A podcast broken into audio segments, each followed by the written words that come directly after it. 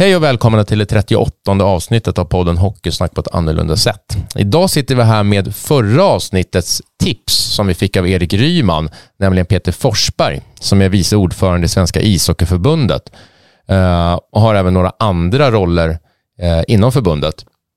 Eh, och Ryman tipsade Jan Peter för att han ville höra om det här NHL-avtalet som, som Sverige har, har gjort tillsammans med NHL då, och vad det leder till Um, och Peter var fram till idag för mig mest ett namn som jag läser om eller hör om ibland och sådär, men inte riktigt har fått något grepp om eller vet exakt vad han gör och sådär. Så det här blev ett uh, jäkla intressant samtal tycker jag, Karin.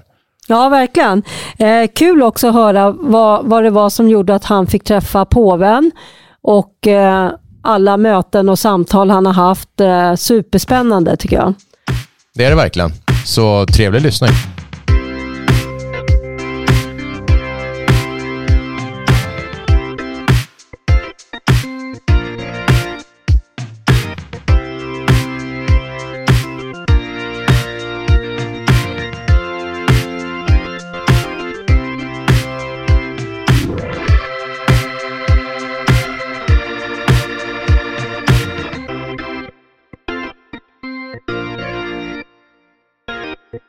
Peter Forsberg, välkommen till vår studio. Tack så mycket. Hur ofta har du blivit förknipp förknippad med andra Peter Forsberg? Ja, allt för många gånger tror jag. Jag har gjort många människor besvikna. Väldigt besvikna tror jag. Men, men eh, du Peter, du kallas ju lite grann så här i hockeykretsar för utrikesminister. Kan du förklara det? Ja, jag, jag har ju blivit det. Jag har inte utnämnt mig själv till utrikesminister, men jag har ju ett ganska stort, sedan många år då tillbaka, stort nätverk i hela världen. Och, eh, och det har jag ju fått tack vare att jag har ju liksom varit i verksamheten i över 20 år. Eh, och det började väl 2002 när, jag vart, när Rickard Fagerlund plockade in mig som eh, ansvarig för hockey-VM som spelades i Göteborg, Karlstad och Jönköping då fick jag liksom för, mina första nätverk då när jag började träffa, när jag träffade många av de här gamla, det var ju, då kom ju alla representanter från alla länder och det var ju massvis med delegater och sånt också. Där lärde jag känna många. Och sen efter VM ett slut så vart jag också team manager för Småkronorna. Och då reste jag runt, det var Anders Edberg då som var general manager för, för, för, eh, i Svenska Hockeyförbundet och han tog in mig och frågade om jag var intresserad av att jobba med småkronan. Och jag har alltid brunnit för juniorverksamheten så jag kände att det låg mig liksom väldigt nära om hjärtat. Så jag eh, tackade ja till det och sen började jag ju åka runt på massa olika VM då, olika turneringar, fyra nationers och junior-VM och sådana saker. Och då, började, då var det ju många människor som, som var med då från olika länder. Och då började jag ju känna dem, lära känna dem också. Sen har ju de klivit upp i sina positioner och under den tiden så har ju de klivit upp, kanske många har blivit stora starka potentater i respektive hemland. Då. Så på så sätt så kunde jag bygga upp det här nätverket. Och idag är ju ett nätverk otroligt viktigt när man ska liksom ut och engagera sig och försöka bli etablera sig internationellt. Då är det viktigt att ha ett, ett, ett bra nätverk. Alltifrån röster och sånt när det är val och sådana saker. Och så att jag, jag åker på alla kongresser och sånt också efter det sen då. Mm. Du tittar på mig? Ja, du ville. Jaha, nej, jag tycker bara att det är mer intressant så hur du kom in på det. Men om man går tillbaka ännu längre, då, din relation till hockeyn, hur var den innan du kom in och blev liksom mer allmänt känt namn för oss i hockeykretsar? Vad har du för tidigare relation till hockeyn? Du menar eh, hur långt bak då? Ja, ja du behöver inte gå från sexårsåldern kanske. Nej, men, jag, jag ju, har ju spelat själv. Jag är ju en gammal målvakt, men jag, på den tiden så, så eh, jag spelade då i, som junior och, och pojkspelare och sånt där, pojklagsspelare heter det. Och, och junior. Och sen, gick jag, sen har jag tränat också. Jag gick på den tiden så hette det någonting som hette steg tre. Jag gick högsta, det var ju det högsta på den mm. tiden då på 80-talet.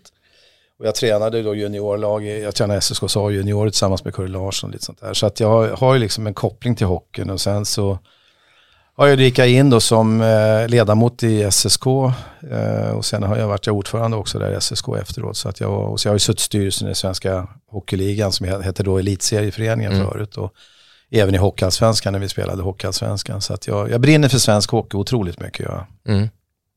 Det är det som är min stora drivkraft. Att jag är, jag är väl hock, lite hockeynörd säger man kanske. Ja, det är ett bekant uttryck.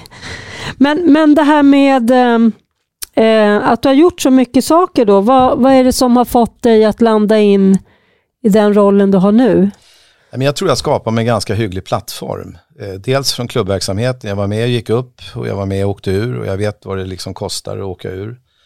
Eh, stor respekt för alla klubbledare i Sverige som lägger ner en stor energi på sina klubbar och lever liksom i, med, risken att åka ur eller gå upp, glädjen att åka upp. Så jag vet precis vad det handlar om. Jag tror det är otroligt viktigt. För man har liksom hyser respekt för alla olika klubbars, klubbar och klubbledares insatser. Va? Så man liksom har inte svårt att sätta sig in i deras problem. Utan den har jag, fått, och den har jag gått igenom själv genom att jag då var väldigt hårt eh, engagerad i SSK då, när, när vi hade problem och har problem tyvärr idag också då. Men, men, men vi är inte riktigt etablerade mer än ett bra hockeyallsvenskt lag då, men vi är inte närheten av elitserien. Men man, man, man, jag ser ju det, jag har ju den stora respekten alltså för alla människor som lägger ner ett hårt jobb. Och sen kände jag också så här att i och med att jag i och med att man liksom har den här närheten då, då är det ju lätt att man kan klättra lite också i, i hierarkin. Och jag, när jag fick den här möjligheten att komma in i Svenska Hockeyförbundet, i styrelsen i Hockeyförbundet, då kände jag ju det liksom att det var en, det var ju liksom en enorm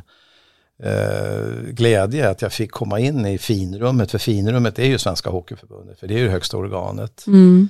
Så att jag kände om, om, om jag kan göra någon nytta där så gör jag jättegärna det då. Och vad, vad tycker du är ditt absolut starkaste bidrag? Jag vet inte riktigt. Som jag, jag, det är svårt att säga. Det är inte jag som ska säga vad jag har för vad jag bidrar med egentligen. Det ska andra göra. Men jag tror i alla fall att jag, jag har ett engagemang. Mm. Jag tror att har man ett engagemang och jag är lite så här. Jag tror att jag har en ganska stark entreprenörsanda också i mig. Det är det jag tror. Mm. Och sen är det ju som jag, alltså det som är viktigt, viktigast för mig, det är ju stoltheten att jobba med svensk hockey. Det är ju liksom, det är det som är fantastiskt. För jag menar svensk ishockey idag är ju världsledande på jättemånga, jättemånga saker. Men, men jag tänker då när du har varit med så länge, för det är mer än 20 år. Mm. Alltså då har ju du också sett många liksom skiftningar och förflyttningar sådär. Vad, vad, är inte det något som är vad ska jag säga, du säger att um, ja, men du vet det här med utmaningar i SSK till exempel, men har inte de blivit på ett annat sätt eller är det precis på samma sätt då som nu eller? Nej men det, all hockey går ju framåt, utvecklingen går ju framåt, jag menar spelet går ju framåt och det är likadant det här, du har ju Idag är det med internet, jag menar du har ju en kommunikationsavdelning och informationsavdelning som är blixtsnabb idag. Det fanns ju inte på den tiden. Nej. När jag höll på i SSK då värvade vi spelare på fax. Det var ju på den, gjorde, ja, det, ja. gjorde man ju faktiskt. Ja. ja. Så att idag är det ju helt annat, det är organiserat på ett helt annat sätt. Är det ju. Så att idag är man ju liksom väldigt uppdaterad. Jag menar den här, den här eh, internet, internet idag har ju bidragit med liksom närhet till allting. Mm. Det fanns det ju inte på min tid när jag började på 90-talet. Men, när vi pratar idag och roller, så du är ju vice ordförande i Svenska ishockeyförbundet ja. och ordförande i elitkommittén för herrar. Ja. Och ordförande i Hockey Hall of Fame i Sverige. Det, har jag missat någon? Nej, det tror jag inte. Det där är de tre. Ja. Det där. Om, vi, om vi bara börjar med den då, ordförande i Hockey Hall of Fame Sverige. Vad, är, vad innebär det? Ja, men det är så här att eh, Hockey Hall of Fame det är ju, det är ju en, en, en vad ska jag säga, en organisation eller det är en, en kommitté i Svenska ishockeyförbundet där man ska liksom utse då folk som har olika meritpoäng för att liksom, eh, man ska tacka för det fina man har, de har presterat genom åren. Mm. Och eh, vi har ju liksom en hop av spelare som är, är berättigade till det här och då försöker vi liksom, då har vi en, en kommitté som tittar på det här och man har olika kriterier, det finns liksom fastlagda kriterier för vilka som är kvalificerade för. Och det är ju otroligt fantastiskt, det är jättestort egentligen att få ringa upp en kille som, eller någon spelare, en flicka eller kille, eller man eller kvinna till exempel som, som har, har, har kvalificerat sig för det här och de blir otroligt glada. Men vi har ju inte Hockey Hall of Fame på det sätt man har i NHL. Men vi har, det är ett sätt för ändå för oss att visa vår uppskattning mm. för vad man har gjort genom åren. Och, eh, det här tog jag över 2000 eh, jag tror att det var 2014 jag tog över det, eller om det var 14 eller 13, jag kommer inte riktigt ihåg. Och eh, sen kom ju pandemin emellan så det har ju legat nu några år där vi inte har gjort någonting. Mm. Men vi, vi hade faktiskt Hockey Hall of Fame nu sist i Beijer Hockey Games här, där vi hade Kim Martin som fick eh, gamla målvakten och en väldigt duktig målvakt. Mm. Och sen så var det Challe och Lillpröjsan. Jaha, Challe var det på, Kim Martin på torsdagen, Challe på lördagen och Lillpröjsan på söndagen. Ja, det. Ja. men Hedberg har inte fått? Hedberg har fått. Ja, han har fått. Ja, okej. Eh, Mm. Börje Salming har fått. Eh, Tumba var nummer ett. Mhm. Ja, och ehm, Daniel Alfredsson, han flög hem från Kanada och fick det i Göteborg. Mhm. Så att eh, Foppa har fått det, Sudden har fått det. Har ni något så här varje år så att det ska vara... Ja, vi försöker dela ut tre stycken priser varje år. Ja. Eh, mixat då, kvinnor och, och män då. Mm. Så att vi gör det varje år. Och vi har en kommitté som består av, eh, det är Janne Bengtsson, för detta journalist på Svenska Dagbladet. Och sen är det Hasse Andersson från Övik som har varit eh, mycket inom svensk hockey, hockeyförlaget, CV Hockeyförlaget. Och sen är det Malin Fransson, eh, journalist på DN. Och så är det Lars G. Karlsson som tidigare varit generalsekreterare på Svenska Hockeyförbundet. Och så är det Stefan Lade. Och så är det Lasse Granqvist är med också. Lasse Granqvist. Mm. Så att, eh, ja vi, vi är fem stycken ledamöter där och som, som eh, har möten, reg, re, Då- möten alltså- och vi plockar fram olika Kandidater liksom. Ja, just det. Vi har olika kriterier för det. Då, Mm. så att, Och då gör ni något ceremoniellt runt det där? ja, vi delar ut en statyett och sen får man, man, man får en statyett och så blir man då, vi vill ju helst dela ut i samband med en landskamp. Det är så man vill. Då får man liksom upp det. Men ibland så som Alfredsson vill, han vill gärna ha det i Göteborg hemma på Mammas gata. Så vi hade när Mm. Frölunda spelade, fullsatt Skandinavien, som var fantastiskt. Mm. Eh, vi hade Fredrik Stillman i eh, Jönköping, när HV spelade. Och det är ju religion, HV, Mm. i, i, i, i Jönköping. Så där, Det var förra året? ja, Eller nu ja, i år? Förra året. Förra året. Ja, okej. Mm.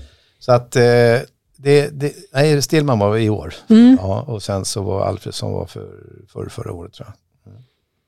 Man blir lite rådvill över alla Mm. kandidater. Sen var vi uppe i, i Övik och delade ut till Therese Sjölander också i Övik här. Kan inte du berätta? Det där var kul du berättade när du inte ville gå in på isen i Övik. Nej, men om man har någonting mellan öronen så går man inte ut på isen, man heter Peter Forsberg i Övik. Det gör man inte. Då låter man någon annan gå ut. Så du skickade en kollega? Nej, det var våra, jag skickade ingen kollega utan det var min ordförande som gick ut och gjorde bravur tycker jag. Så att, eh, nej, jag går inte ut där. Det finns ingen anledning att göra det. Jag har blivit utbuad så många gånger ändå när jag har varit ute, när man har delat ut pris i olika länder. Som har kommit ut på is. Jag var ute en gång i Ryssland tillsammans med Pavel Bure. Då sa de Pavel Bure och så Peter Forsberg så kom jag ut. Då undrar de ju, vem fan är det där? Ja, Jävligt roligt. Ja, han åldrades lite snabbare. Ja, det är kul. Men, men vad, eh, det låter som du åker runt sådär och har eh, en ganska behaglig tillvaro i ditt jobb sådär. Kan det vara? Ja, jag vet inte om jag kan säga att det är behaglig tillvaro, men, men det är ju så här när man är ute och gör det, då har man ett uppdrag. Mm. Då ska man göra det uppdraget och jag känner inte att eh, jag är ute och turistar utan man är liksom ute där för att göra sitt jobb. Och ofta så är det väldigt komprimerad tid man är ute. Man liksom åker dit på möten och sen så åker man tillbaka hem och så gör man något annat. Eller man har en agenda som under den här säsongen så kan den vara rätt komprimerad. Men ibland så, nu har jag ju inget jobb så nu jobbar ju inte jag civilt. Så nu kan jag lägga all tid i världen. Men däremot funderade jag förut när jag jobbade hur fan jag kunde få tiden att gå ihop. Hur jag Ja. kunde få ihop min agenda. Och det var ju naturligtvis, naturligtvis var det ju familjen som fick sitta emellan lite grann. Det har jag ju förstått nu efteråt. Mm. Vad jobbar du med då? Ja, Jag var ju eget företagare, jag hade ett eget företag. Jag, var, hade två, jag har varit Ford-handlare i 45 år. Mm. Så att jag, eh, det var där jag sammanstrålade lite grann med Rickard Faglund, för han var också inom bilbranschen. Mhm. Men det är där man kanske skapar den entreprenörandan, för man var ju tvungen till att finna lösningar inom bilbranschen. där var det ju massor med problem. Rickard han lärde mig en sak, eh, som jag, jag, jag, jag har väldigt stora höga tankar om Rickard Faglund, men han lärde mig en sak att när du vaknar på morgonen så kom ihåg att du har en massa problem att lösa. Mm. Och sen en svara alltid telefon. Och det gör jag alltid. Ja. Men eh, det där var ju roligt för, jag, för då kommer vi lite osökt in på det här med, eh, Erik tog ju upp det, för han, det var han som, Erik Ryman var ju här förra veckan och tipsade om dig. Det är han jag ska skjuta alltså. Eller tacka. ja, Men, men då sa ju han det här med att du eh, arbetar med NHL-avtalen. Mm. Och då tänker man ju, eftersom det är ju ändå sto väldigt stora avtal och sådär, då kanske det här med din bilhandlarbakgrund är, Eh, kan det vara nyckeln till att du lyckas så väl? Nej, men jag har ju varit med rätt länge i, i Ford-organisationen. Jag har ju suttit även i deras centralstyrelser och jag har varit med och förhandlat för återförsäljarna också gentemot generalagenter. Jag har varit, gjort det både i Sverige och i Amerika och så tidigare. Så att jag vet ju, jag kanske har lite erfarenhet av förhandlingar och, och det är väl kanske det är ju så här, ett förhandling är alltid ett give and take. Det är ju liksom alltid två sidor på ett mynt. Så att jag menar, man måste ju hela tiden försöka alla måste ju vara nöjda på ett annat sätt. Det är ju kanske inte lätt alla gånger. Men jag tror att jag har väl lite sån där förhandlingsvana. Och sen så är jag väl lite otålig också. Jag vill gärna ha avslut. För det är det som räknas, ett avslut. Ja, man kan ju mm. förhandla i all oändlighet men ja. det är ändå avslutet som räknas. Och, det är väl det som jag tycker att när kan man knyta ihop säcken riktigt. Och det är väl det kanske jag har haft ifrån som en lite glädje av mitt forna liv så att säga. För att eh, i min bransch där man jobbar med, med, med bland annat bilar och sånt, jag menar man räknar ju försäljningar och det är ju antal avslut. Ja. Så det är ju liksom en, det är den måttstocken man alltid har levt efter. Men vad, nu blir jag nyfiken, för eh, jag jobbar ju själv inom mm. business och då är det ju mycket eh, avslut mm. såklart. Eh, vad är ditt absolut bästa tips då för att komma till att man closar en affär? Jag tror man ska lyssna mycket på, på vad, vad liksom önskemålen är och så ska man försöka möta dem efter bästa förmåga. Det är ju inte alltid kanske så väldigt lätt, det är lätt att säga men jag tror ändå att man ska, man ska försöka lyssna och sen, jag vet ju också när vi sitter, man måste se vad man har för styrkepunkter också tror jag och det är liksom när man förhandlat NHL-avtal så har vi ju styrkan i det, det är ju att vi har en fantastisk eh, produktion av spelare. Alltså vi är ju fantastiskt, vi är otroligt skickliga, vi är världsledande på spelare i Sverige. Så jag vet att vi har ju en tillgång och den tillgången det är den vi ska förhandla om. Och då ska man ju försöka eh, se hur man kan liksom realisera den på bästa sätt. Och det är ju samma sak om du säljer en produkt eller en tjänst eller någonting. Då måste man ju liksom övertyga köparen att det här är väldigt bra. Har du kört den där, jag ska bara gå ut och ta ett samtal? Ja, det vet jag inte, men det kanske jag har gjort. Eh, ibland kan man bryta möten. Ja. Bara för symboliken. För att man ska prata ihop sig så kan man säga, jag har inte ett dugg att säga, vad har du att säga? Nej, jag vet ingenting. Då går vi in igen. Och säga att den svarade ja, inte den som Men ibland är det ju bra när man sitter och förhandlar. Jag har varit med och förhandlat SIFO SHL-avtalet också till exempel. Det har jag gjort tillsammans med Anders Larsson då. Så att jag menar, vi har ju och även med Christer Englund tidigare när han var ordförande. Så jag menar, jag tror det här med förhandlingar, alltså jag tror man, det är ju ett litet sätt att känna av motparten också. Hur långt kan vi driva det här? Och, så att jag, jag, jag, jag, tror man måste ha lite så kallad fingerspitzgefühl också.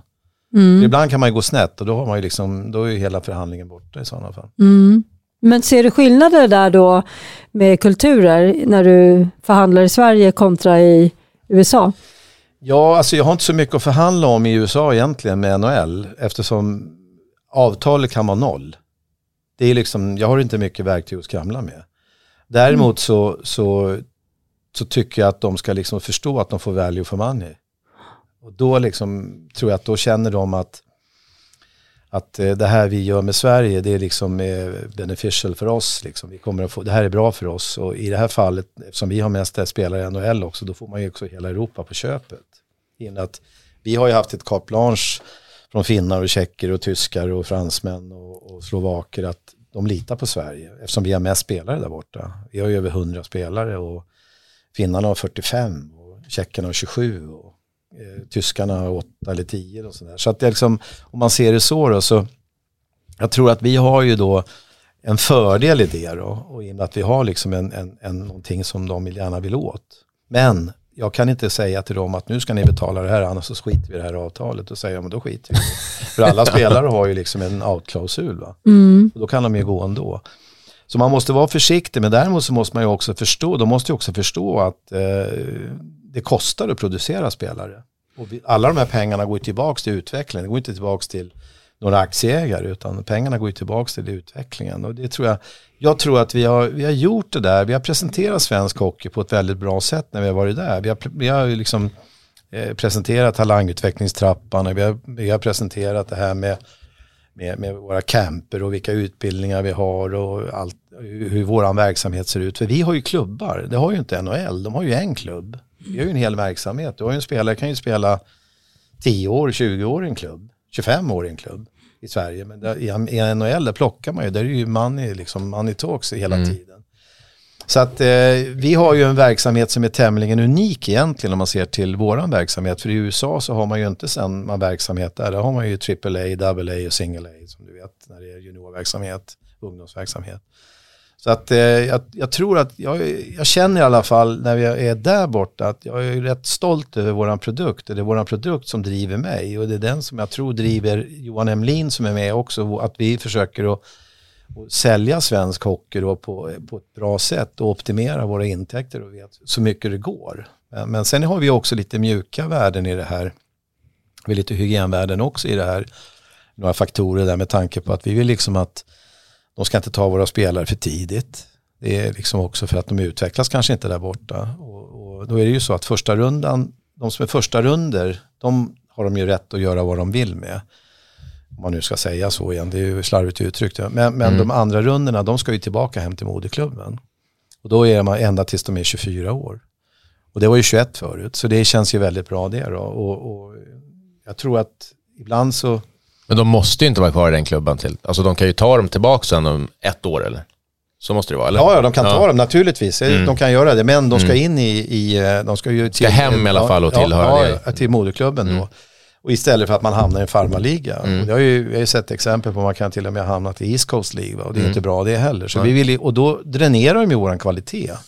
Så det är bättre att vi har bra kvalitet i våra mm. egna ligor och inte ta spelarna för tidigt. Mm. Sen ska de bästa spelarna spela i NHL, självklart. Det är därför vi har ett NHL-avtal. Mm. Hur kom det här avtalet nu som vi nu är inne på? hur, alltså, hur startade det? Har det funnits ett typ av avtal för alltid eller är det liksom? Ja, tidigare så fanns det ju ett avtal som, då hade ju eh, internationella hockeyförbundet hade ju avtalet, de förhandlade om varje spelare. Och då var ju liksom, det var, togs ju aldrig hänsyn till antalet spelare då, utan det var ju spelare per spelare och det var ju 200 000 dollar per spelare då på den tiden. Och, eh, som gick till respektive förbund då? Nej, till klubbarna. Till klubbarna. Mm. Ja, till förbunden. Så förbunden, för, alltså förbunden tar inga pengar utan förbunden, de, de tar, NHL skriver aldrig ett avtal med en klubb. Skriver avtal bara med nationsförbund. Mm. Och sen betalar förbund de pengarna till förbundet så sen så portionerar förbundet ut pengarna till, till, dem. till respektive okay. klubb. Mm. Och då har vi ju den här principen att vi har 25% per år. Som har varit, spelat eh, två år i Huddinge och två år i Djurgården så går 50% av transfersumman till Huddinge och 50% till Djurgården. Mm. Så att eh, på så sätt har vi haft, eh, på så sätt är det uppdelat då. då. Vad var din fråga? Jag hörde inte det. Ja, jag kommer knappt ihåg. Om det alltid har funnits och så började du säga att, att, att internationella Jo, internationella hade, ju då, hade ju då eh, det här avtalet. Och vi såg ju liksom att det här är inte riktigt rätt. Utan det måste kunna, vi kanske måste, kan kräma ur mer ur det, här, ur det här avtalet med tanke på att våra spelare går dit. Och vi tycker det är för billigt och klubbarna tyckte inte det var bra. Så klubbarna här i SHL-klubbarna då, de klev ju av helt enkelt NHL-avtalet. Eh, jag tror det är mellan 06 och 08 eller 07 eller något sånt där. Och jag har ju drivit den frågan hela tiden då, att jag tyckte att, har man ett avtal då har man också impact i det. Mm. Har man inget avtal då har man ingen impact i det. Så jag tror att det är bra om vi har ett avtal. Sen om vi tycker att vi inte har de nivåerna, om inte klubbarna uppfattar det som att nivåerna är rätt, ja men då måste vi jobba för det och få upp nivåerna. Och det kände väl jag, att jag tror att det var ett rätt steg att ta, att vi fick det här avtalet. Sen har vi börjat då, sen har vi liksom försökt att Sen tog vi bort det från det internationella, vilket de var väldigt irriterade på Sverige för. Men det gav vi, vi, vi sket i det på ren svenska. Mm. Och sen började vi förhandla själva och sen startade vi den här processen. Och sen har det här byggts på lite grann eh, också. Vi försöker också få in det här business to business också lite i avtalen. Det här med deras Global Series då som är deras eh, Global Series är ju att de spelar i Europa en serie innan serie, eller det är, serie, det är första seriematchen mm. tror jag, de spelar med Europa. Nu kommer de spela i Finland, Utanfors här och så ska de spela i Prag. Och där är ju sånt som eh, de har frågat oss och det, vi, var ju, vi tog in dem när de spelade Globen, det var ju Buffalo Tampa spelade Globen och så var det Edmonton och eh, norr, jag kommer inte ihåg, ja, New Jersey var som spelade tror jag i, i, i Göteborg. Så att eh, där har ju liksom, det har ju varit väldigt bra va? och där ser ju de att då får de hjälp av oss också. Och nu är det flera andra länder i Europa som är sugna på att tyskarna kommer så småningom mm. här också och får någon match. Och, och tjeckerna nu har ju som jag sagt nu i år. Då. Så det, på så sätt så ser de oss som partner. Och ser man någon, så har man en partner man inte bara går med tiggarhatten, Mm. då, då tror jag man får en annan relation. Och, och det kän- hoppas jag att de känner, för vi vill, verkligen, vi vill verkligen vara en bra partner till dem, samtidigt som vi vill också att de ska betala en acceptabel nivå för våra spelare. Men blir det så här då att du, när du säger partner, är det att du menar att ni eh, blir då relevanta för dem för att de får liksom exponering och kan attrahera barn och sälja mer kepsar och sådär? Eller vad? Ja, men alltså, de har ju en business att de vill sälja kepsar, de vill Mm. gärna etablera sig på nya marknader. De har varit i Kina och det, där, där spelar ju Vancouver tror jag och något lag till i Kina. Och de, där gick ju folk hem efter första perioden för de visste inte att det var tre perioder och så. Så det är inte så jävla enkelt att etablera sig. De fick ju dra in folk lite grann. Va? Men, men eh, de, de är ju så här liksom, NHL vill ju, de är ju, det är ju ett affärsdrivande företag. De är ju stora och de vill ju liksom styra och ställa med mycket. Men samtidigt är vi beroende av dem också. Jag menar, vi har ju, lands, vi har ju VM så det är våran största Eh, i, i världen här när vi ska spela VM som inte bland alla nationsförbund. Jag menar, får vi inte loss våra NHL-spelare där så är det ju katastrof.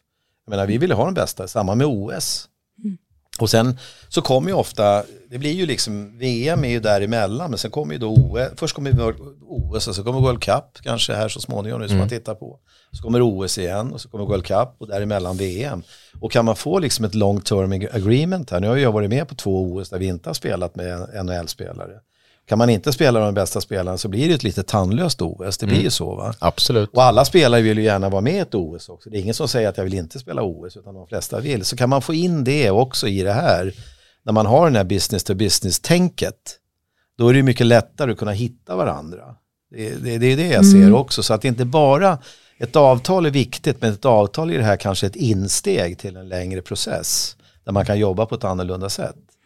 Och det är det jag känner, att jag ser potentialen också lite grann. Jag ser inte bara det här att nu har vi fått ett avtal, vad bra det är. Nej, men nu kanske vi, vi kan liksom få till det här också med ett World Cup. Och det är ju, liksom, det är ju fantastiskt för ishockeyn och, och få de bästa spelarna till OS. Det är ju, det bästa, det är ju fantastiskt för spelarna. Alla vill ju vara med. Jag var ju med 2016 i World Cup och var någon teamleader eller general manager eller vad man ska kalla det för. Så jag var ju med på det och det var ju i Toronto. Jag såg ju hur stort det där är egentligen. Och alla NHL-spelare kommer ju. Men det är ett samarrangemang, World Cup, med, mellan NHL och NHLPA, alltså spelarfacket. Och sen är ju då nationsförbunden, men eftersom vi är medlemmar i internationella för- hockeyförbundet så måste ju det gå genom internationella hockeyförbundet. Det är, det är, de är våran huvudman så att säga. Så vi kan ju inte göra ett avtal själva med NHL. Om inte internationella förbundet säger att nej men ni får ta de toppnationerna så får ni göra avtal. Det är en annan sak. Men som det är nu så är vi, vi är ju liksom, eh, vi har ju en obligation mot internationella så vi kan inte gå en egen väg. Och jag, internationella är för dem är ju väldigt viktigt med OS och VM icke minst. Och jag menar, har man en dålig relation med, med NHL då kan ju de säga till sina spelare också att ja, åk hem och vila, behöver inte spela VM. Mm. Mm. För de är arbetsgivare. Ja, ja så är det ju va. Och nu har ju vi VM 2025 i Stockholm. Och jag menar, det är ju jätteviktigt, en laguppställning är jätteviktigt, det är ju en publikmagnet om man, har, bra, om man har en bra laguppställning och då, då är det mycket lättare att sälja ut ett VM också. Mm. Hur långa är de här avtalen då som du... Som vi har. Ja. Det här, vi har skrivit ett som är fyra plus fyra, det är exit efter fyra år. Så det är åtta års avtal. Mm. Det är väldigt bra för det, det har vi inte haft förut så långt avtal som åtta år. Men då har ju du verkligen förflyttat innehållet i de här avtalen från när, när du började. Dels att de har blivit längre men också ja, fått in mer. Ja, vi har fått, in, Business jag to har ju fått upp då. högre belopp då. Men vi Mm. gjorde så att eh, när, när, vi började, när, vi, när, när vi kom in i det här och liksom vi märkte att vi, vi är en partner och vi kan börja förhandla. Då, då gjorde vi så i Svenska Hockeyförbundet då. Då tog vi in SHL också som en, var med och förhandlade med oss. Eftersom ändå SHL är ju de som bidrar med mest spelare. Och det är ju bättre att man sitter och kan ta beslut vid sittande bord än att vi, jag ska sitta eller förbundet ska sitta och förhandla med NHL och så ska vi gå hem och fråga SHL vad tycker ni och så ska vi gå tillbaka. Det är bättre trovärdighet i en förhandling om man är komprimerad och man har liksom hela kunskapen med sig än att man ska liksom eh, eh, åka hem och så ska vi höra vad SHL säger. Så, då var de, så vi tog in dem som nu är med, så de är en stor förhandlingspart. Och idag är det Johan Emlin som sitter, som reser tillsammans med mig då, och han är ju sportchef och vice vd i eh, hockey SHL. Då. Så att på så sätt så, och han har ju också sin täta kontakt med alla klubbarna, med alla sportchefer och sånt. Så han vet ju liksom att få input av dem om saker och ting som vi kan addera till till det här avtalet också. Då. Mm. Så på så sätt så försöker vi göra det så transparent och så bra som möjligt så att och vi får liksom en trovärdighet. Så våran roll sen, då, då kom, finnarna hoppar ju på det också, så finnarna och finska hockeyförbundet och finska spelarfacket, de pratar ihop sig också då, och så ger de oss liksom input i de där bitarna också. Så att. Men de får ju de får ett väldigt bra avtal då, fast de inte har samma numerär som Sverige. Jag tycker då att de, de, säkert, de tycker säkert att de vill ha mer det kan jag tänka, det vill ju alla. Men, eh, nej, men jag tror att de är rätt tacksamma faktiskt, jag tror det. Och de mm. förstår ju att är viktigt för oss också. Och vi vill ju också i det här, jag sa, nämnde förut med hygienfaktorer, lite mjuka värden, vi vill ju också att de här NHL-klubbarna ska ha kontakt med våra sportchefer. Så att de kan prata om Kalle här, Kalle Andersson. Han, han kanske inte är mogen att åka över nu, han kanske behöver vara hemma och, och liksom eh, spela hemma två år till, men han har en potential. Liksom. Och kan vi inte ha en gemensam utveckling för honom, då är han kvar i Djurgården eller SSK eller i, i, i Brynäs eller HV eller vad det nu kan vara. Och det tycker vi är viktigt också, att vi får en tätare kontakt mellan general managers och eh, eh mellan general managers och i svenska GM och, och, och NHLs GM. Alltså. Mm. Det, det har de ingen kontakt idag? Går det mest genom stycken, agenter stycken, eller? Ja, men några stycken har Agenterna har ju bestämmer ju kanske också en väg för spelaren, men den kanske inte alltid är samstämmig. Utan det kanske inte är, det kanske inte vad, vad spelaren behöver just då. Men, men eh, jag tror att eh, det har blivit mycket, mycket bättre. Jag tror att många klubbar i Sverige idag har en, en ganska bra kontakt med vissa vissa NHL-klubbar och icke minst genom kanske svenska scouter mm. som, som är väldigt uppdaterade och kan liksom tala om och så kan också stärka det här och säga nej han är inte mogen nu, bättre han stannar kvar hemma här. För alla är ju inte en Lukas Raymond till exempel som åker över och gör en massa poäng då första året och så. Det är fantastiskt att han gör det. Men en del kanske behöver ha lite mm. annan utveckling också. De flesta. Ibland så säger mm. man ju det där att mammas köttbullar är kanske viktiga, men de är viktiga kanske under en mm. lång period. Va? Det är olika steg man tar. Jag mm. menar många flyttar ifrån hockeygymnasiet och får flytta hemifrån och det är ett steg. Och sen mm. ska man flytta till ett annat land med en annan kultur, det är också ett steg. Mm. Det gäller ju liksom att man är förberedd tror jag och då kan man göra det. Då behöver man inte ha så satans bråttom. För, förut så hade vi en annan fråga som vi också gjorde där, som vi jobbade hårt för och som NHL faktiskt hjälpte oss med, men däremot var NHLPA väldigt motsträviga. Men det var ju det att när man signade en spelare för så var man tvungen, när man draftade en spelare var man tvungen att signa inom två år. Mm. Nu är det fyra år. Mm. Det är en jäkla skillnad. Ja, det är väldigt skillnad. Mm. På så sätt behöver man inte ha så bråttom. Då kan man ju följa spelare, kan han ju lugnt spela i sin mm. hemmiljö. Mm. Så att det var någonting också som NHL faktiskt hjälpte oss med i, det för, i förra avtalet. Mm. Som de också såg en vinning i. Ja, fast PA sa vi kan inte ha en regel i Europa och en regel mm. i, i, en, i USA. Ja, men ni har ju fyraårsregeln för, i college. Då är de ju fyra år i college. Då mm. kan de ju vara fyra år i Sverige också. Mm. Och sen accepterar de det. Och det var ju tack vare Bill Daley som hjälpte oss med det. Som är, vem är Bill Daley? Bill Daley han är Deputy Commissioner. Han är nummer två i NHL efter Gary Bettman. Okay.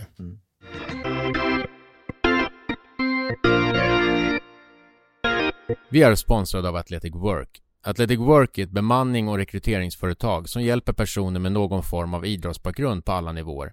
Från idrotten får man med sig goda egenskaper som är viktiga på arbetsmarknaden. Viljan att vara bäst och prestera sitt yttersta på tävlingsplanen, som på arbetet, är det mål som Athletic Work och deras konsulter strävar efter. Athletic Works vision är att skapa ett idrottslag på arbetsmarknaden. Det har idag hjälpt flera personer ut på arbetsmarknaden och av egna erfarenheter vet jag att kontakt med Athletic Work faktiskt leder till jobb. Så om du letar efter ett nytt jobb, tveka inte att höra av dig på www.athleticwork.se. Tack Athletic Work!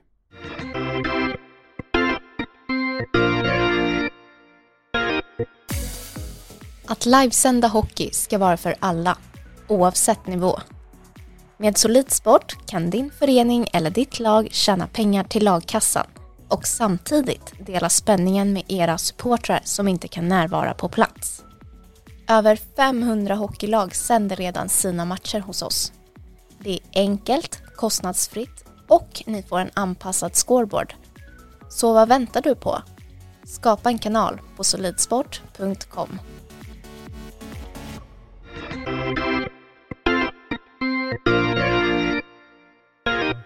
Övrigt då, som är innehållet i det här avtalet, förutom det, som det här business to business som det kan ge, att klubbarna här i Sverige får pengar när spelarna skriver kontrakt med dem där borta. Ja. Och det som du senast sa, I är det år något mer tror jag det är över 100 miljoner som de betalar ut i år. ja, till våra klubbar? Ja, till klubbar, ja. Mm.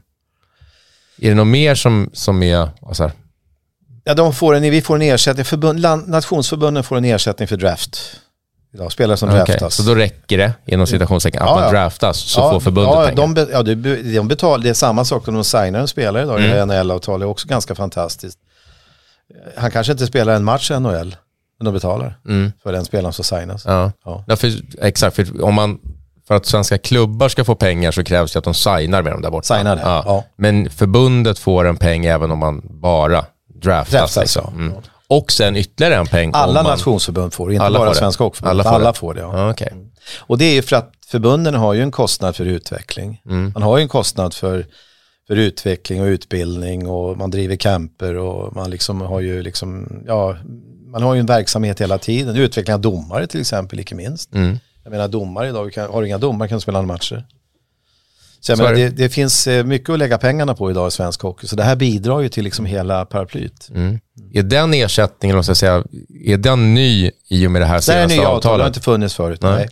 Ja, Det, det här avtalet har olika incitament. Det har ju draften och sen har den då signing och sen finns det också en, en, eh, en del i om hur många spelare som spelar i NHL har gjort 30 matcher. Då är det en procentsats som kommer till och det har alla länder.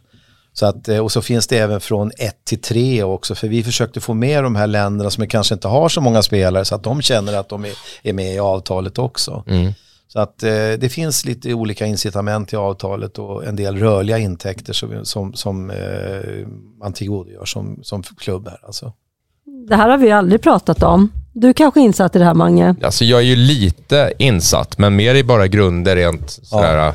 Men vad vi som klubbar får. Alltså att det, det är ju en intäktskälla det här, det går ju inte att komma ifrån. Liksom. Så att det här säga- är ju någonting som ligger i Djurgårdens budget också, att man budgeterar med x antal spelare ska signa. Liksom. Och så har ju många, det är ju en del som har det som marknads så här, strategi också, att ta spelare, alltså värva spelare utifrån, ja, från andra delar av landet för att man får den här pengen. Att man tar draftade spelare som det är stor sannolikhet att de kommer att signa med en NHL-klubb om ett eller två år.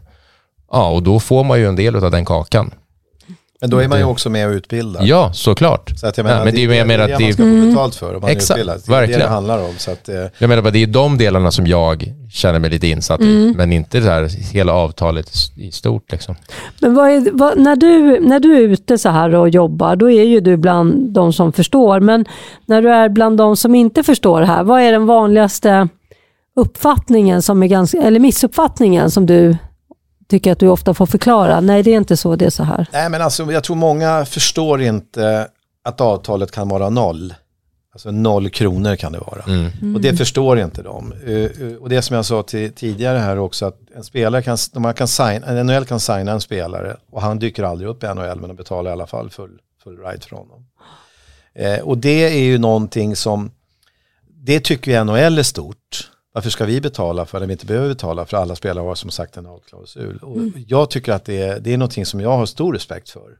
Och det är någonting som jag värdesätter enormt mycket. Men det, det tror jag inte folk i gemene man och det, det behöver de inte kunna heller. Men jag tror inte de har förstått det riktigt. Utan de tror att NHL signar en spelare, betalar 100 miljoner och sen så betalar man då 4 miljoner för en svensk spelare. Liksom. Men de behöver inte det.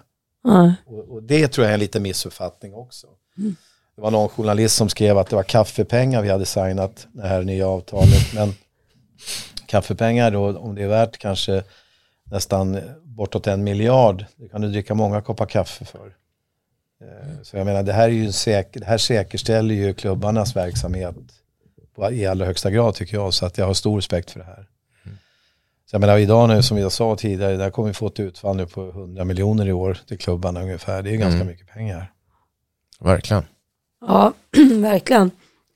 Och sen har vi den här stafflingen då också med, med 25% per år. Och jag vet ju som en klubb en liten klubb som heter Järna SK. De fick ju betalt för en spelare som heter Axel Andersson. Exakt. Och 700 000. Det är ju helt underbart. Ja, det är fantastiskt. Ja, det är det. Jag blir ju helt glad. Alltså, jag blir jättelycklig när, Mm. när det går neråt. Det är det som är så klubbarna. grymt att det är fyra år Ja, verkligen som ja, går ja. tillbaka. För då finns ju den sannolikheten. Hade det varit två år, ja, då hade det varit den här juniorklubben. Ja. Eller, Mm. Nej men det, det känns ju liksom, då, då tycker jag, då är det mission complete på något sätt. Mm. När det är så. mm. Vad har du härnäst då? Som är, vad har du för projekt på gång nu? Jag har inga stora projekt. Jag ska, vad ska jag göra nu? Jag ska åka på en kongress nu till eh, Turkiet, en internationell kongress. För hockey? Ja, det är så här att, det är, det är så här att de som organiserar det är finnarna. Mm. Eftersom finnarna hade VM och så ska vi, finnarna ha nu nästa år också. Med tanke på det här som hände med Ryssland och det här kriget eller med Ukraina. Eh, så då ska jag dit på en kongress, en internationell kongress och då brukar man lägga dem i sådana här länder. Dels lite, jag tror att det är kostnadsmässigt också ganska bra pengar att lägga det i mitt, lite sådana här länder. Så läggs det ju nu alltid i september då. eller oktober är det då. då. Så, så att jag åker dit på fyra dagar och sen kommer jag hem. Eh, sen, är det ju, sen börjar ju nu SHL och Hockeyallsvenskan. Nu brakar ju allting igång här. Sen har vi Karjala Cup i november. Jag åker alltid på de här turneringarna, Karjala. Och då vet jag du är slutspel i T-pucken tror jag i november också. Så Mm. då åker Mm. inte Anders med, annars åker Anders jag ofta. Och sen är det ju, sen har ju eh, schweizarna har ju ersatt eh, ryssarna nu i Eurohockey Tour. Så det blir, kommer schweizarna arrangera för första gången i Schweiz i december. Och sen så ska vi, eh, sen är det junior-VM i, i eh, Halifax som kommer nu i december. December, januari. Så då åker jag dit. Och sedan så har vi ju själva eh, Beijer Hockey Games som spelas i Malmö i eh, februari. Och sen är det då Česka Pojstovna som är då Karlsson Hockey Game i Tjeckien som är i Mm. april innan VM. Och sen är det ju VM i, i, i eh, maj i Tampere då. Och i Lettland och Sverige spelar i Tampere. Så det, Det går ju Sen är runt hela. säsongen det gått. rullar, det rullar. Ja, det rullar. Ja. Vilket lag håller du på då i Sverige? Eh, Jag håller på SSK, det har jag alltid Det varit tydligt tycker jag. Det får man inte säga, men jag håller på Tre Kronor. och junior två kronor, och damkronor, jag håller på alla. Ja, Ja. ja. det är politiskt korrekt. Ja, Eh, det är tråkigt svar. Ja, men det, det kan vara sant ibland. Ja.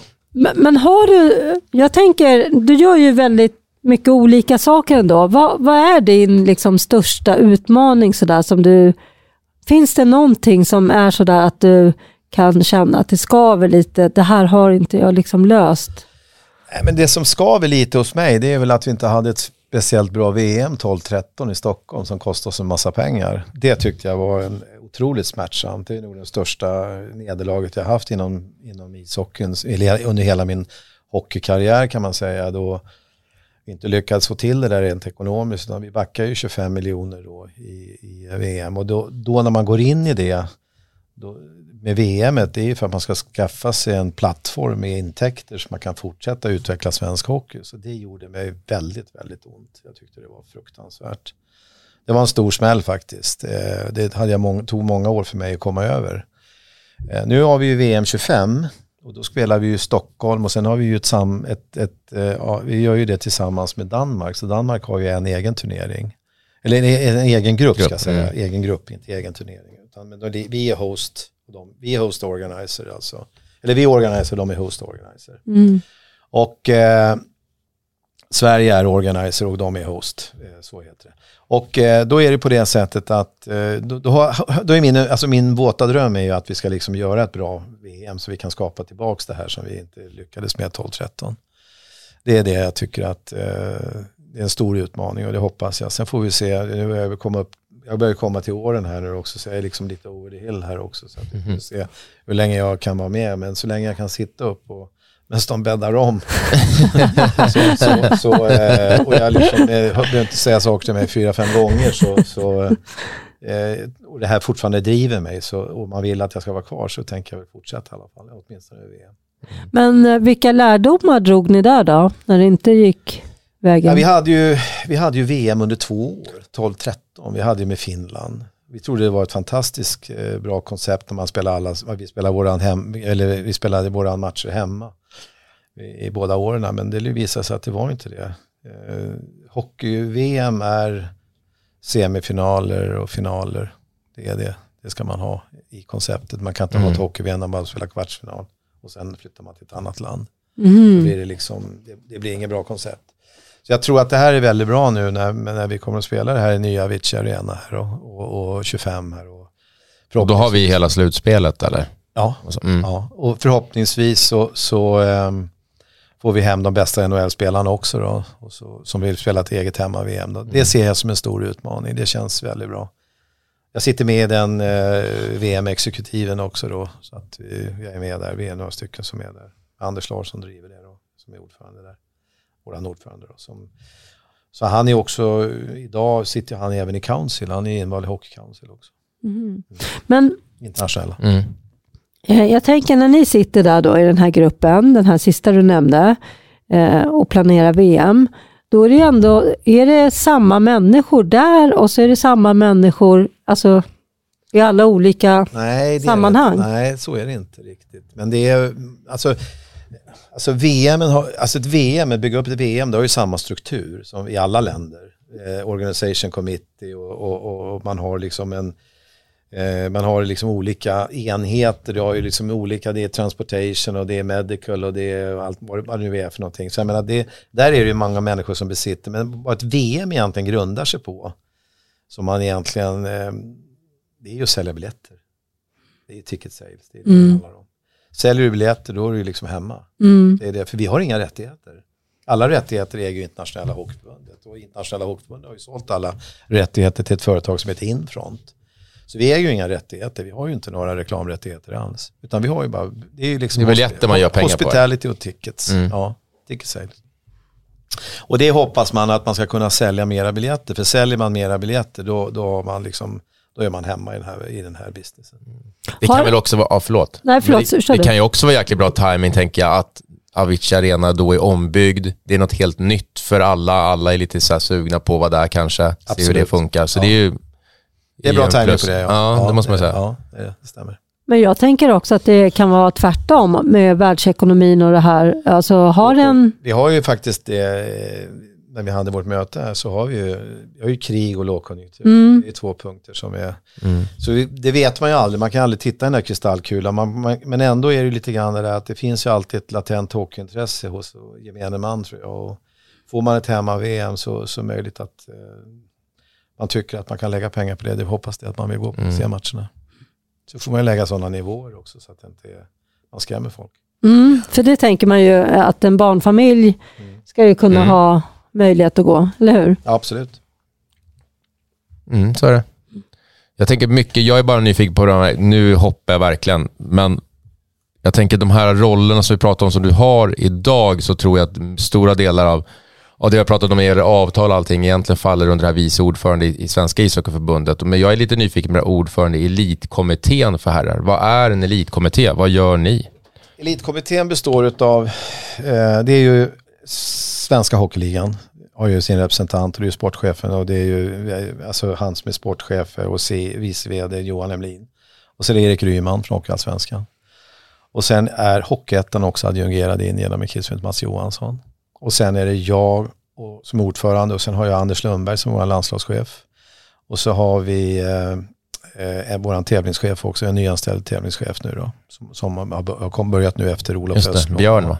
Nej, Magnus, Nej, Magnus Mårtensson. Mårtensson är det, precis. Eh, och vi har ju då, vi, vi driver ju alla elitfrågor.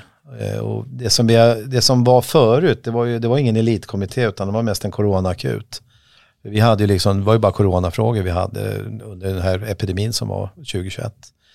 Men då vi hade ja, 20 och 2021, men, men liksom där la vi ju fast att vi skulle slutföra. Vi stängde ju ner 20 och sen skulle vi slutföra serien 2021 och det var ju liksom sagt att det skulle vi göra till varje pris. Så, så vi hade ju liksom olika katastrofmöten kan man säga och över situationen som var i Sverige då. Mm. Men, så det var inte så mycket elitkommitté kan jag säga. Men däremot så är elitkommittén idag, den är ju ganska omfattande och vi försöker lösa alla frågorna så mycket som möjligt innan det kommer upp på styrelsenivå så att säga. Och där jobbar vi mycket med sunt förnuft. Eh, och sen så har vi då stor respekt för olika, olika synpunkter, olika saker och sådär. Så att ja, det känns i alla fall som vi har liksom en United hockeyfamilj på något sätt. Mm. Familjen är liksom under, under samma paraply och det tror jag är viktigt, stort och smått. Ja. Men vad kan det handla om för någonting då? Allt möjligt. Alltså- Allt möjligt. Det är, allt, det är massvis med olika frågor. okej. Ja, det är dagliga frågor. Men Ja. Det är spelprogram och det är Mm. landslagsbreak och det är ju det här man lägger in om det ska komma, vi diskuterar om det ska komma en World Cup, hur ska vi kunna hantera det? Och det är alltså, ja men det är liksom, det är stort och smått. Det är faktiskt det. Och sen är det ju också att nu att Hockeyettan är med också här och det är också det att de lär sig av Hockeyallsvenskan och Hockeyallsvenskan lär sig av SHL. Så jag menar, det finns ju en, ett forum där som man, som man sitter som en enskild ledare idag så, så tror jag att man tycker att det är ganska bra att man har den här Mm. mm. elitkommittén. Och vi försöker vara liksom, eh, eh, vad ska vi säga, proaktiva. Vi försöker vara liksom lösningsorienterade också, inte så väldigt, väldigt stelbenta heller. Men ibland måste vi följa liksom tävlingsbestämmelserna naturligtvis. Det är ju Mm. de som alltid ligger i botten. Men, men jag tycker att vi har en bra pragmatik i det faktiskt. Jag tycker det känns så Mm. i alla fall. Men det här Att vi erfarenhetsutbytet, älskar inte varandra jämt. Nej, nej, så ska det väl vara. men det där erfarenhetsutbytet ni tillämpar, är det, det bara sådär bli så? Eller Nej, är det men något ni blir- nej, men medvetet... På mötena, vi har våra möten och då är ju alla liksom representerade och då kan ju, jag menar Hockeyettan kanske inte har så mycket att säga där men de kan lyssna lite grann så kan de hantera saker efter deras väl och ve så att säga. Och de, vet att de har en referenspunkt i, i, i Hockeyallsvenskan eller SHL till exempel så kan de ju få lite hjälp också. Även om de har liksom samma verksamhet men i liksom mindre omfattning. Jag tror det är bra det där, det är lite farfars princip om man säger att man liksom är med och hjälper till lite. Och så. Mm. Så att jag tror också det. Och jag är, jag är rätt öppen och tydlig och jag vill gärna att, jag vill inte ha några stängda dörrar och sådär. Jag tycker det är bra om man liksom har lite öppna spel också. Jag tror det, det leder, det är mycket lättare att ha så, alltså försöka vara så friktionsfri som möjligt, även om det är svårt. Mm. Men samtidigt så, man måste ju liksom se möjligheterna mer än problemen. Va? Jag menar, jag har ju suttit i elitkommittén och haft krig med, med gamla ledamöter. Mm.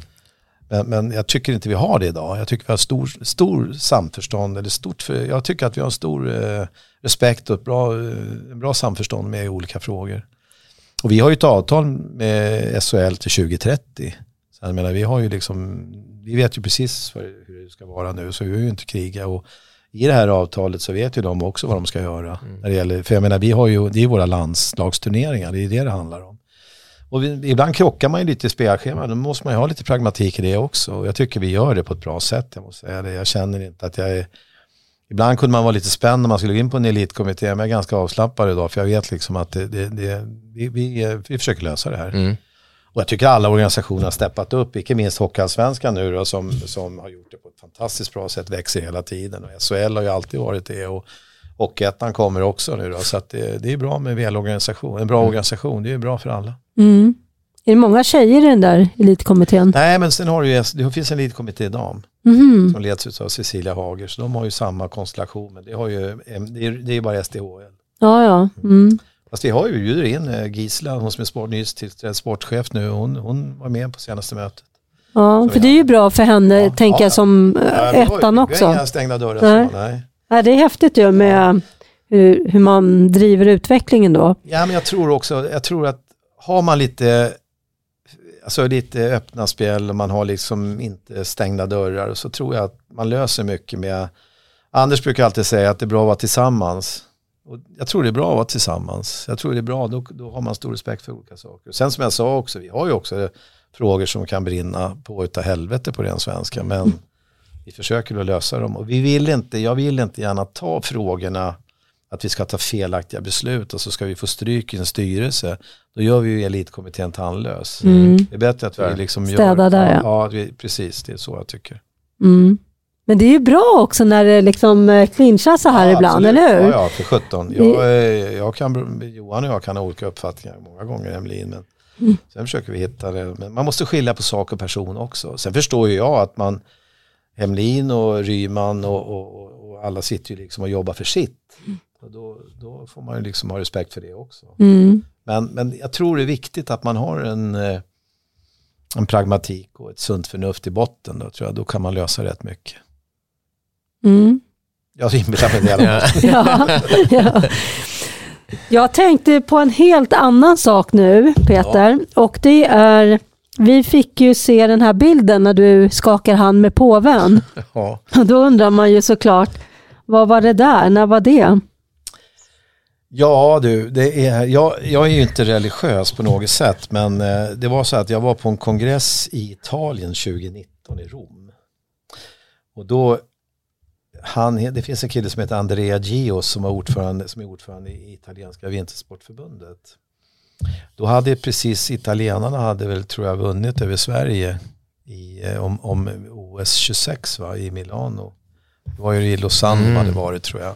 Och då hade vi den här kongressen och då hade han bjudit in eh, samt två delegater från varje land att besöka påven i Vatikanen.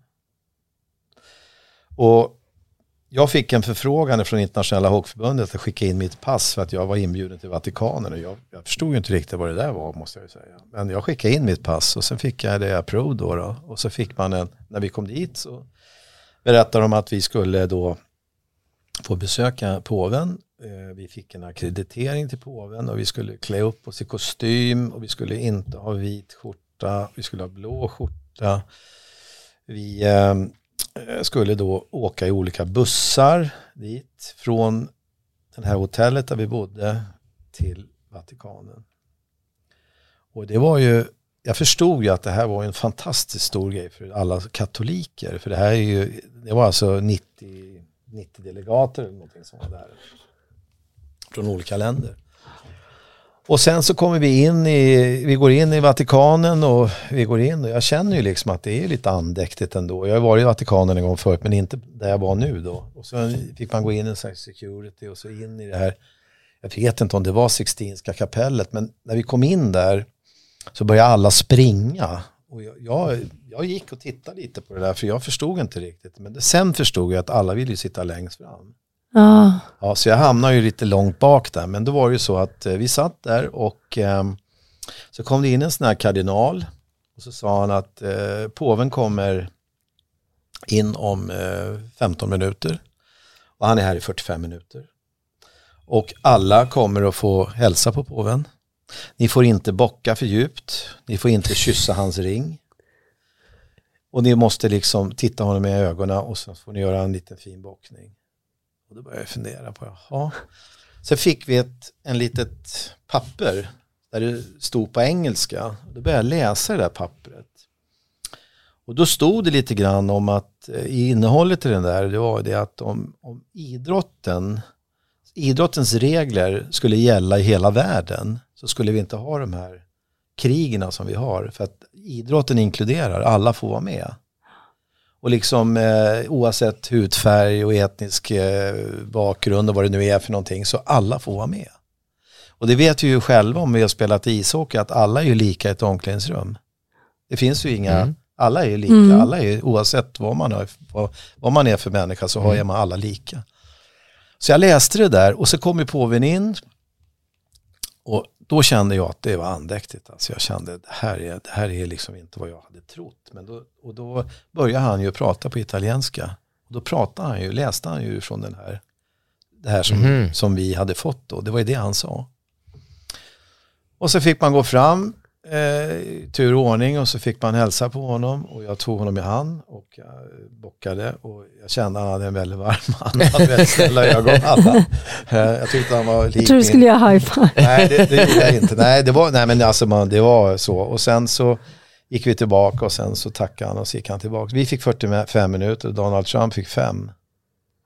Så att eh, det var, det var häftigt och jag trodde ju inte jag kunde inte med vildaste fantasi tro att jag skulle hamna hos påven. aldrig någonsin. Men det är någonting som är ganska fantastiskt egentligen att, att eh, idrotten leder till väldigt mycket. Och det leder till mycket oförutsägbara saker också. Va? Men jag måste säga det, det här var, det här var fantastiskt. Alltså det, var, det var enormt. Men jag som sagt var, jag är inte religiös på det sättet och katolik. Så jag kan inte ta in det riktigt som Nej. många alla katoliker kunde göra. Ja, vad häftigt. Ja, det var häftigt. Lika, jag tänkte säga som Bill Daley då, när du träffade han första gången. Nej.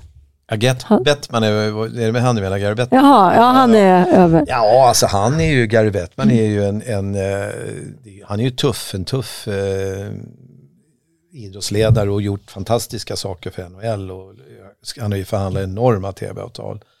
Så NHL står ju på en verkligen, verkligen eh, tung, tung eh, det är, det är, de är ju tunga alltså, väldigt tunga och, och stora och rika och har en hög utvecklingspotential jämt och, och fantastiskt varumärke.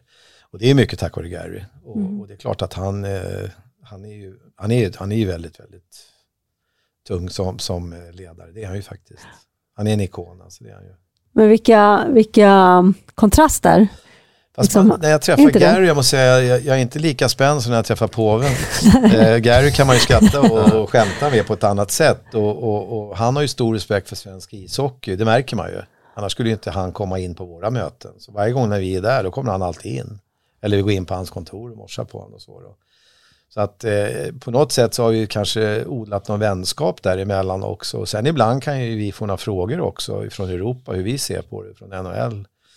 Vet, jag fick en fråga av Gary, han frågade mig, hur tycker du att vi ska ha outdoor game i, i Sverige? Vad tycker du om det? Nej, det tycker inte jag, så jag, för jag tror svensken är för kunnig. För att man vill inte stå på en stor fotbollsplan och titta på en NHL-match, det tror inte jag på. Tack för att du säger det. Så. Han hade samma uppfattning, men en del andra i organisationen tyckte det. Va? Men det är ju selling tickets, det är mycket det det handlar om Mm. också. Men på vilket sätt annars är han eller NHL imponerade av det vi gör här? Då? Ja, det vi levererar. Ja, att det är så många spelare som Ja. kommer dit och att Ja. det är den kvaliteten som det är på spelarna. Absolut, alltså. Mm. det är så. Det, det är det som, det är ju inte, det är ju det är liksom, det, är det som är liksom the main reason, det är att de ser ju att vi har en verksamhet som är värt namnet. Mm. Vi är ju faktiskt otroligt skickliga. Det är ju många som tittar på den svenska modellen. Vi är ju faktiskt jätteduktiga. Jag brukar ofta säga det när jag är ute också och pratar om svensk hockey, att det är faktiskt ni som är där ute som gör jobbet. Det är ni som, är sätter, det är ni som sätter Sverige i en bra position. Har du någon aning om vad de tänker är den största anledningen alltså i vårt system som gör att vi fostrar så många bra spelare? Ja, men vi har en bra, alltså vi är ju fantastiskt duktiga på att utbilda ledare också. Mm. Har du, har du fel ledare, då blir det ju fel. Mm. Så jag menar, vi har ju duktiga ledare, det är ju faktiskt så. Och, Och det fattar de också? de fattar det, de förstår Mm. det. De säger ju till mig, överge inte den svenska modellen. Nej. Och det, det, så det ska vi inte göra. Och jag är otroligt stolt för det, va? för att det är det som jag känner, det är min drivkraft. Att jag liksom kan, eh, jag vill inte tala om att vi har vunnit VM då och då eller något sånt, utan det, alla vet det. Men liksom det är ju det här att vi, vi har en, alltså Sverige står, har en hög position internationellt. Då gäller det att vi förvaltar det på ett ödmjukt sätt också. Mm. Mm.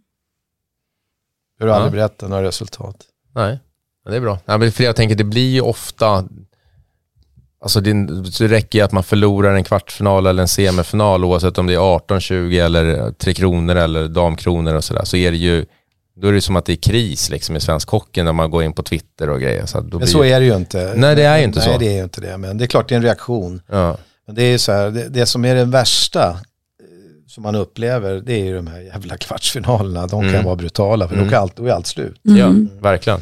Och då blir det ju ofta eh, cirkus. Man, kommer man över den tröskeln så är det ju liksom, då, då är det ju inga problem. Nej. Men, men eh, eller det är hedervärt i alla fall Mm. att förlora en Exakt. och sånt. Men, men, eh, ja, men kraven är ju rätt höga på oss egentligen, Mm. det ska väl vara det också. Ja, det ska de. Mm. Så att, men jag tycker ändå på något sätt att det, som, det som gör att Sverige har en position det är ju det att vi hela tiden lyckas leverera varje år. Alltså varje år Mm. så, så, så är det ju många skickliga spelare. Och vi, jag menar det, vi, vi har ju en junior och ungdomsverksamhet som är fantastisk. Jag måste säga en sak, jag samlar min energi, vet du om jag samlar den? För hockeyenergin? Jo, det är jag åker ner till eh, Åkers ishall, eller Mariefreds ishall och tittar på mitt näst yngsta barnbarn i Tre Kronors hockeyskola. Mhm. Där står jag och verkligen njuter av att se gräsroten. Ja. Alltså, det tycker jag är det, är det finaste varumärke vi har, så det är Tre Kronors hockeyskola. Och där ser jag de här småungarna, de kör och de kör och de kör liksom. Och de är glada och de är liksom svettiga och söta och allt det här. Jag tycker det är helt fantastiskt. Det är liksom en diametral skillnad mot att liksom gå från dem och så åka till, till eh, från Åkers ishall så åker man till New York och så träffar man Gary det, nu snackar vi kontraster. Ja, men det är en kontrast som ändå är väldigt härlig att ha. Verkligen. Ja. Så det, det kan jag säga. Där har jag många gånger stått. Jag kan ha åkt, jag kan ha liksom flugit hem och sen har det varit träning. Då har jag åkt ner, kommit direkt och så går jag ner och tittar. Liksom. Jag tycker det är helt underbart att se alla dessa småungar. Det är framtiden som åker Mm. nere. Ja. Och det är ju viktigt också, oavsett vad det är, så är det alltid viktigt ju att ha, att ha de där ytterligheterna så att man uppskattar det ena och det andra. Absolut, och, och jag, jag känner ju liksom, jag, jag, då ser jag de här åka omkring i de här rosa och gula och blåa och tröjorna liksom med Tre Kronor på. Ja. Jag tycker det är så häftigt. Jag tycker det är fantastiskt alltså. Ja, det, det, det är häftigt.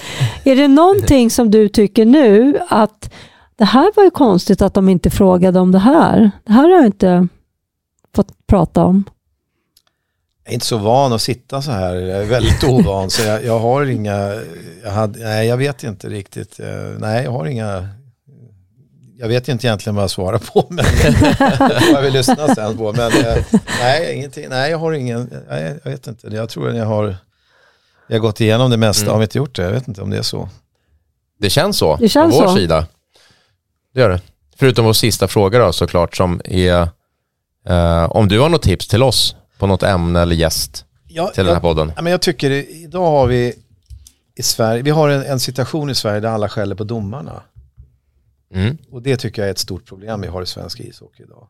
För att om vi inte får några domare till våra matcher, då kommer vi inte kunna spela matcherna. Och jag vet en kille som gör ett fantastiskt jobb inom domerit idag, inom SHL, det är Thomas Torsbrink. Mm. Och han tycker jag ni skulle prata med om, om eh, bjuda in och, och att han får vara med och prata om, om domerit och utveckling av domarna här idag. Bra. Vad gör han för domarna? Domarna, han är ju, han är domarchef i SHL, Mm. men han är också väldigt eh, hårt engagerad, eller, eller engagerad också i internationella när det gäller uttagning av VM-domare och sådana saker. Mhm. Så att han, han, han, har, han, har, han är ju en gammal domare själv. Mm. Men Thomas tycker jag, eh, TT som vi kallar honom, han har han har liksom en, en bakgrund och gedigen bakgrund och just det här nu med det här med domerit och sådana saker som sker idag. Där man liksom eh, lätt kan skälla på domare. Alltså man kan liksom skälla på domare som förälder och, eller som, som elittränare eller vad det nu är för någonting eller sportchef. Och jag tror vi måste, få, vi måste ändra vårt mindset mot domarna annars så får vi inte det här liksom att fungera. Och där tror jag att Thomas, han kan nog säkert ge lite bra indikationer och lite bra input till det. Så det tycker jag hör ihop med det här med hockeyfamiljen i allra högsta grad, domarna. Mm. Jättebra ju. Bra. Mm. Det var jag Verkligen. funderar på. Tack, det var, det var bra. Ja. TT var ju ett bra smeknamn. Mm. Lätt att... Ja. jättebra. Ja. Ja. men bra Peter, då är vi ju eh, klara känns det som. ja, Så ett jättestort tack till dig för att du tog dig hit, hit till oss idag. Och stort tack till er som har lyssnat.